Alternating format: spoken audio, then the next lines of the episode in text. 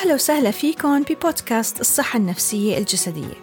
اسمي ريما عبد النور طبيبة أسنان مختصة بجراحة الفم والفكين والاضطرابات الفكية الوظيفية. معكم هون من ألمانيا. أكثر شي بيسعدني اليوم هو إني أساعدكم على فهم العلاقة الوثيقة بين الصحة العقلية والجسدية وأبين لكم مدى الارتباط العميق بيناتهم. بعد سنوات بحثية طويلة بعلم النفس الحديث وبعلم الأعصاب التطبيقي تبين أنه في كتير آليات بتأثر فيها أفكارنا ومشاعرنا وسلوكياتنا على صحتنا العامة. ولأني اختبرت هالأمور شخصياً حبيت أكون معكم هون لأعرفكم أكثر على هالمجالات. بكل أسبوع رح أخذكم معي برحلة قصيرة نكتشف فيها سوا جانب من جوانب هالعوالم الخفية وأوضح لكم فيها كيف فيكم تساعدوا حالكم وكيف تطلبوا المشورة من المختصين بهالمجال. فإذا كنتوا مهتمين بهالمواضيع يا هلا فيكم معي ويلا نبلش. هلا فيكم بالجزء الثاني من سلسلة التغذية وعلاقتها بالتوتر والصحة النفسية مع ضيفتي السيدة مؤمنة الطحان المدربة المعتمدة في التغذية التحولية الشمولية والمتخصصة بمجال الصحة المناعية. مؤمنة أحد الأسئلة اللي وردتني كانت بخصوص الجوع العاطفي. طيب شو هو الجوع العاطفي وكيف نتعامل معه؟ وفي طرق تانية بيأثر فيها التوتر على نمط التغذية تبعنا؟ تمام يعني هو الجوع العاطفي أو الأكل العاطفي هو عرض لوجود توتر في الجسم أو في حالة بيكون الجسم دخل قبل بتأدي فيه للوصول للأكل العاطفي. لما بنتعرض لمثيرات توترية بشكل مستمر ودائم آه، بيدخل الجسم بحالة اللي بنعرفها اللي هي fight or flight وبهاي الحالة بصير في عنا الجهاز السمبثاوي هو المسيطر. وبصير طبعا في عنا إفراز متواصل ومستمر للكورتيزول بتأثير المحور الوطائي اللي هو محور ال HPA لما بيصير في عنا محرضات توترية. النخامي الكظري ما هيك؟ بالضبط. حكيتي عنه قبل أنت بأكثر من حلقة يا يا يا تمام. فاللي بصير إنه لما بيكون الجهاز السمبثاوي هو المسيطر على الأداء بهاي الحالة مباشرة بيتوقف إفراز الأنزيمات الهاضمة بقل تدفق الدم للجهاز الهضمي. وطبعا حتتأثر يعني حتتأثر تقريبا كل الوظائف اللي ما بتتعلق بالحالة الطارئة اللي الجسم داخل فيها الآن. وظائف الغدد الإخصاب والإنجاب الترميم والتخلص من السموم. آه، وذكرنا الجهاز الهضمي. كل هاي الوظائف حتتوقف أو تضعف بشكل كتير كبير. لنفرض أنه أنا أكلت بوقت التوتر. تعرضت لمثير توتري معين سمعت كلمة مزعجة آه، كنت قلقانة لسبب ما صار موقف وأكلت بهاي بهذا الوقت. شو اللي بصير بالأكل بهاي اللحظة؟ اللي حيصير إنه الأكل ما حينهضم لأنه ما في أنزيمات ما في عندي أنزيمات كافية للهضم فحيتخمر الأكل بالمعدي حيتباطأ الهضم آه، بعدين حيروح الأكل هذا المتخمر على الأمعاء حيؤدي ل يعني يضعف أو يغير بتكوين الميكروبيوم المعوي ويغذي البكتيريا الضارة على حساب البكتيريا النافعة حيثير ويهيج القولون حيصير في عندي اضطرابات بالجهاز الهضمي. فنتخيل الناس اللي توتر عالي خلال اليوم عندهم أحيانا في ناس من وقت ما يفيقوا لوقت ما يناموا هم بتوتر مستمر وإفراز مستمر للكورتيزول والنتيجة بتكون إنه حيكون في عنا مشاكل مستمرة بالجهاز الهضمي وهاي المشاكل المستمرة بالجهاز الهضمي معناها في عندي التهابات متكررة حتكون بالجسم في لود عالي على الجسم وفي نتيجة إنه حيصير في عندي توتر كمان نتيجة اللي عم يحصل بالجهاز الهضمي. لما بنتعرض لموترات بشكل حاد ومزمن بهالطريقة هي حتتأثر عنا أيضا بطانة الأمعاء. الأمعاء السليمة دائما بنعرف نحن إنه الأمعاء السليمة بتكون مغطاة بطبقة مخاطية مهمة هاي الأمعاء هاي الطبقة عفوا لحماية جدار الأمعاء ولامتصاص المغذيات وحتى بتوفر بيئة ل يعني بعض أنواع البكتيريا المهمة مثل ال Akkermansia فبأوقات التوتر المزمن وارتفاع الكورتيزول في بعض الميكروبات المعوية بتصير تتغذى على هاي الطبقة المخاطية نتيجة التوتر اللي صاير وبالتالي لما بتتغذى هاي الميكروبات المعوية على هاي الطبقة المخاطية شو بتكون النتيجة؟ إنه حيصير في عندنا تآكل بهاي الطبقة wow. يؤدي إلى ظهور مشاكل الارتشاح والارتشاح بيؤدي للالتهابات وحندخل في هاي الدوامة. وبالتالي حتتأثر عنا وظائف الدماغ والحالة المزاجية والحالة النفسية للإنسان. عم شو قد إيه مرتبطين هالأمور ببعض؟ ولما بندخل بحالة السمبثاوي هاي والإفراز المستمر للكورتيزول هذا الشيء بيحرض إفراز هرمون الجوع اللي هو الجريلين. وإفراز هرمون الجوع بصير بيولد عنا رغبة مستمرة لتناول الأكل. نحن حقيقة ما بنكون جوعانين لكن الإفراز المستمر للكورتيزول وتأثيره على باقي الهرمونات وأداء الجهاز الهضمي بيؤدي لشعورنا بإنه نحن نشعر بالجوع. جسمنا بصير بيطلب الأكل اللي بده يساعده إنه هو يشعر بالراحة. بدي أطلع من هاي الحالة التوترية اللي أنا فيها. شو شو ممكن أعمل؟ فبتنشأ عنا عادة الأكل العاطفي. هي في حالة وفي حالات حتى بتنشأ من الطفولة يعني قد يكون إلى علاقة ب آه، طريقة الأكل الأهل في التعامل مع الطفل ومكافأته بالطعام. تماما. فبتولد عنا كمان نوع من أنواع الأكل العاطفي. آه، شو الأكل اللي عادة بيطلبه الجسم مشان يشعر بالراحة؟ سكر. سكر. لكن لكن هذا الحبيب الكل. طبعا. والنتيجة بندخل بحلقه مفرغة توتر اضطراب تغذيه زيادة وزن أكل عاطفي وهكذا. في حتى دراسات بتقول لك لما عملوها على الحيوانات إنه آه، يعني لاحظوا إنه الحيوانات الفئران بالذات هي آه، بوقت التوتر بيزيد وزنها مع إنها عم تاكل نفس السعرات الحرارية.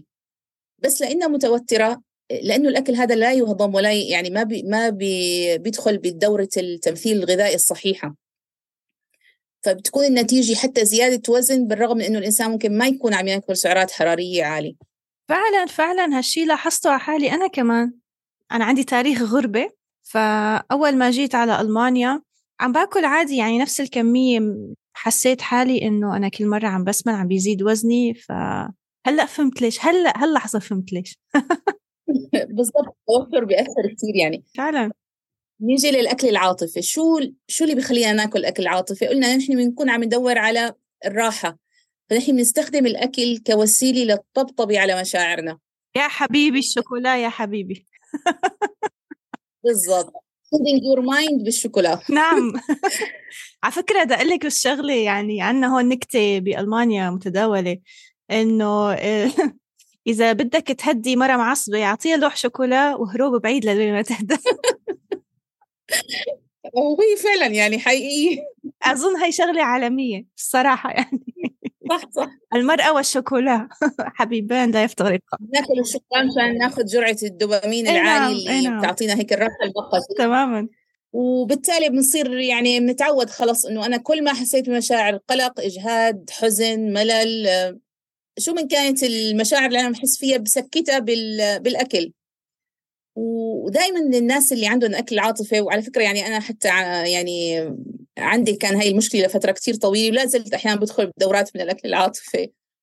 يعني خلينا نقول عدم إدراك للفرق بين الجوع الحقيقي والجوع العاطفي. يا يا يا تمام. آخر سؤال مؤمنة كان بيتعلق بطرق التعامل مع الجوع العاطفي وقتها قلتي لي إنه بدك تحكي عن هالطرق بالأخير.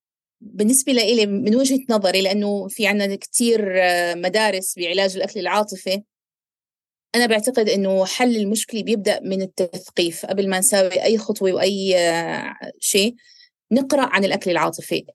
فهمي مشكلتك فهمي شو جذر هاي المشكلة. قبل ما تساوي أي خطوة ابدأي بتدوين ملاحظاتك. شو نوع الأكل اللي أنت عم تميلي له إمتى عم يصير معك هذا الشيء؟ شو المشاعر اللي عم تكون موجودة عندك؟ شو الأفكار؟ شو الأفكار قبل الأكل؟ شو الأفكار وقت الأكل؟ بعد الأكل شو بتحسي؟ الهدف من من هذا الشيء آه، إنه أنا أخلق وعي بالمشكلة لأنه مشكلة الأكل العاطفي آه، جزء كبير منها هو موجود باللاوعي.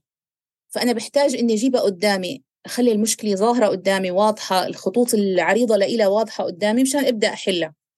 فلما بنقولها للوعي هذاك الوقت ببدا بفكك الأجزاء تبعيتها بعدين في عنا خطوات كتير من ضمنها مثلا إنه اتعلم كيف ميز بين الجوع الحقيقي والجوع العاطفي. في عنا الشيء بسموه the hunger scale إنه من واحد لعشرة أقيم الجوع مستوى الجوع عندي. هل أنا مثلا فعلا جوعاني ولا يعني من واحد لعشرة بحط تقييم لنفسي بس راقبي نفسك خلي عندك هو ضروري يكون في دفتر للتدوين هاي الأشياء.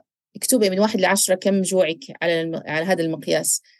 في طريقة تانية اللي هي change the scene إنه أنت غير المكان اللي أنت فيه أو الوضع اللي أنت فيه. مشي اقرأ احكي اتصل على حدا. فلما بيجيني إحساس إنه أنا بدي آكل وأنا عارفة إنه أنا من شوي أكلت لسه ومستحيل أكون جوعاني فتغيير المكان اللي أنا فيه ممكن يغير الرغبة هاي. طبعا لازم طالع الأطعمة الإدمانية من البيت ما بينفع إنها تبقى موجودة بالبيت وأنا عم عالج الأكل العاطفي. آه وفي شغلة كتير مهمة وبتفيد جدا اللي هي تعلم مهارة الأكل كيف آكل الأكل التأملي ال mindful بسموه. إنه أنت لما بتحط الصحن قدامك أو بتحط الصحن قدامك آه خلص اعملي focus كامل على هاي الوجبة اللي عم تاكليها. شو الألوان شو الطعم شو الريحة آه شو الأشياء اللي بتحبيها بالصحن هذا اللي قدامك وشو الأشياء اللي ما بتحبيها. الأكل مع الجوال الأكل على التلفزيون الأكل آه مع مجموعة كبيرة من الأصدقاء. طبعا يعني لابد أنه تصير هذا الشيء بس ما بينفع يكون بشكل يومي. الأكل مع مثيرات قلق أو أنا واقف بسرعة بدي لحق لأنه أنا في عندي مديري جايب في تاسك لازم أخلصه بسرعة. هذا كله بيولد آه، يعني عادات أكل عاطفية. وآخر شيء إنه نحاول ندور على مصادر بديلة لنحصل على هاي جرعة الدوبامين. مصادر مثل هواي مثل مشي بالطبيعة مثل سباحة مثل طلعة مع أصدقاء. يعني أي مصدر أنا كل إنسان في له مصادره الخاصة اللي بتساعده إنه هو يشعر ب خلينا نقول البهجة مثلا. فدور على هاي الأشياء وحتساعدك إن شاء الله. هذا الجواب بشكل مختصر تقريبا يعني في تفاصيل كتير بس يعني هاي النقاط الأساسية اللي بتساعد بحالة الأكل العاطفي. طيب هلأ شفنا كيف بيأثر التوتر على نمط التغذية. هلأ حابة أعرف عن الحالة الثانية اللي هي تأثير التغذية على التوتر. وبهالخصوص فعلا آه، وردني سؤالين. أولهم بيستفسر عن آه، عن دور التفاح بتهيج حالة الكولون العصبي وإذا كان هالشي بيأثر على حالة القلق. والثاني بيسأل عن كيفية التخلص من التوتر عن طريق الغذاء. شو فيك تخبرينا بهالخصوص؟ تمام. يعني الغذاء بيأثر على التوتر أو بيكون ممكن يكون عامل محفز للتوتر بعدة أسباب أو بعدة طرق. آه، خلينا نحكي عن شو هي الأطعمة اللي ممكن تولد عنا أعراض توترية بالجسم. نبدأ أول شيء بالأطعمة المعالجة طبعا والمكررة والسكريات البسيطة الكربوهيدرات المكررة هاي اللي الكل يعني عنده غرام فيها. آه الإفراط في تناولها بيؤدي لاضطراب آه توازن التوازن الميكروبي الميكروبي المعوي وبالتالي حتطلع عنا حالات ال dysbiosis اللي بتكون فيها الغلبة للبكتيريا الضارة على البكتيريا النافعة وحتطلع عنا يظهر عنا حالات ارتشاح الأمعاء. آه، بالإضافة إنه هاي الأطعمة حتعمل اختلالات كبيرة بمستويات السكر بالدم حيصير في عنا ارتفاعات وانخفاضات سريعة. وهي الارتفاعات والانخفاضات السريعة بتأثر بشكل كتير كبير على تقلب المزاج لأنه حتختلف مستويات الطاقة في الجسم وبالتالي بتختلف مستويات المزاج وإفراز الإفراز الهرموني. وحتطلع عنا حالة مقاومة الأنسولين اللي كمان تترك أثر توتري كتير كبير على الجسم. بالإضافة إنه هاي التقلبات بمستويات السكر في الدم بتأثر على النواقل العصبية مثل السيروتونين. وبالتالي مثل ما ذكرنا حتتغير عنا الحالة العقلية والمزاجية للإنسان. صح. النوع الثاني من الأطعمة اللي بتأثر كمان الأطعمة اللي بتحتوي على مواد كيميائية ومضافات. تمام. وهون الكلام يعني يطول. المضافات الصناعية اللي صارت موجودة بتقريبا يعني كل شيء ممكن نشتريه من من السوق ناخده جاهز. لابد يكون في مواد حافظة غالبا يعني إلا بعض الأشياء المستثناة. أو إضافات صناعية نكهات ألوان آه، معززات للنكهات أشياء يعني آه، أصلا في اختراعات دائما جديدة بهاي الإضافات. فعلا يا. المشكلة بهاي الإضافات الكيميائية طبعا في مشاكل كتير فيها بس من ضمن هاي المشاكل إنه هي ممكن تأثر على النواقل العصبية وبالتالي حتأثر على الجهاز العصبي. وأكيد طبعا إلى تأثير كتير سيء على البكتيريا النافعة في الأمعاء وبالتالي حتأثر على أيضا توازن الميكروبيوم المعوي. في دراسة صارت على آه، الفئران آه، وجدوا إنه لما بيعطوها المحليات الصناعية طبعا المحليات الصناعية من ضمن هاي الإضافات الكيميائية كمان تمام. آه، لقوا إنه لما بيعطوها محليات صناعية مثل السكرالوز هذا الشيء بيأثر على التواصل العصبي بين الأمعاء والدماغ عنده وكان هذا الشيء كثير واضح. فأكيد نفس يعني ممكن يكون نفس التأثير هذا موجود عندنا بنفس الطريقة. النوع الثالث من الأطعمة اللي ممكن كمان يأثر المواد المنبهة مثل الكافيين اللي بتحفز الجهاز العصبي السمبثاوي وبالتالي بتحفز إفراز الكورتيزول وهذا الشيء أكيد حيأثر بزيادة القلق والتوتر. والناس يعني تأثير الكافيين علينا متفاوت مو الجميع بنفس الطريقة في ناس عندهم حساسية عالية جدا للكافيين وفي ناس يعني بدرجات متفاوتة. بالإضافة إنه الكافيين خاصة لما بناخده بأوقات غير مناسبة يعني أقرب للمساء بتكون النتيجة إنه حيأثر بطريقة سلبية على جودة النوم وحيكون طبعا تأثير تأثر جودة النوم أو إنه ننام عدد ساعات قليلة أو ما يكون في عنا دورات نوم عميقة حقيقية بتكون النتيجة إنه حيزيد عنا التوتر. حتى الناس اللي بيقولوا لك إنه أنا لا بشرب القهوة وبنام آه، أوكي أنت حتنام صح؟ بس هو مو يعني الهدف الأساسي من النوم إنه أنا يكون في عندي جودة في النوم. بمعنى إنه أنا أدخل أقدر أدخل بمراحل النوم وأوصل للمرحلة النوم العميق اللي آه، بيكون فيها التأثير الأكبر على الصحة العقلية والجسدية. أحيانا بتكون حتى مؤشر على أنه يعني أنت آه، هو يفترض أنه الجسم في عنده حساسية للكافيين. لما بتكون أنت بتشرب وبتنام فمعناها أنه أنت يعني في مشكلة بهاي الحساسية عندك للكافيين. تمام لأنه كتير حوالي بيشربوا قهوة وبيقدروا يناموا هداك الوقت. يعني أنا كتير بستغرب الموضوع. صح صح. أوكي. باقي كمان آه، أنواع من الأطعمة مثل الأطعمة المسببه للحساسية. طبعا كمان بتتفاوت هاي بين الناس بس في أشياء عامة مثل الجلوتين الألبان الصويا يعني هاي كتير هي تعتبر من الأطعمة المثيرة للحساسيات والمستفزة للجهاز الهضمي وبالتالي مستفزة للجهاز المناعي كمان فبتؤدي لظهور ارتشاح الأمعاء وارتشاح الدماغ وحالة التوتر وسرعة الانفعال اللي بتصير. في تفصيل كبير الصراحة بهذا المجال بس يعني نحن مشان ما ناخذ كثير وقت من الحلقة ممكن نحكي عنه بوقت آخر إن شاء الله. أكيد أكيد. أهلا وسهلا فيكي لأنه يعني الحديث يطول في مجال التغذية وكلها معلومات كتير حلوة وكتير مفيدة أكيد. في عنا كمان آه، آه، نقطتين لازم ننتبه لهم بموضوع التغذية اللي هن النظام الغذائي غير المتوازن واللي بينقصوا بعض المغذيات مثل نقص أوميغا 3 أو فيتامين د مجموعة باء آه، نقص البروتين كمان كلها هاي بتأثر على وظائف الدماغ. في كمان عندنا المي وهذا عامل جدا يعني مؤثر بشكل كتير كبير بس ما بننتبه له. أي جفاف بسيط بالجسم بيترك أثر سلبي على الحالة المزاجية لأنه الدماغ يحتاج بشكل كتير كبير للماء. فلما ما بنعطي جسمنا الماء الكافي أو لما بنعمل آه، يعني ممارسات مثل الرياضة مثلا اللي بتستهلك جزء من الماء الموجود بالجسم عن طريق التعرق وما بنعوض هذا ما بنرطب الجسم بالمقابل النتيجة بتكون يعني تأثير كتير كبير. الدكتور آه، آمن اللي هو مشهور بمجال الصحة النفسية بيقول إنه يعني الجفاف اللي بيصيب الجسم حتى لو كان بسيط إذا كان على المدى الطويل بيؤدي ممكن لضمور المخ. أوه! سمعانين يا جماعة؟ ما تنسوا تشربوا مي. وأنا أولهم. أكيد كلنا يعني بتمر علينا أوقات ننسى فيها بس ضروري نلاقي وسيلة تساعدنا إنه نحن نتذكر شرب المي. طيب اليوم رح نوقف هون وبالحلقة القادمة رح نكمل الإجابة على أسئلة المستمعين ونبلش نحكي عن طرق ونصائح تغذوية بتدعم صحتنا النفسية والجسدية أثناء مرورنا بفترات التوتر والإجهاد. فتأكدوا إنكم ما تفوتوا عليكم هالحلقة وخبروا عنا كل مين بتعرفوا إنه مهتم فيها.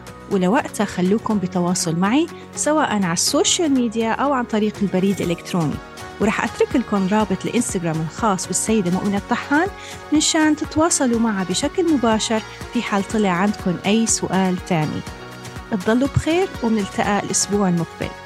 بودكاست الصحة النفسية الجسدية كنت معكم ريما عبد النور.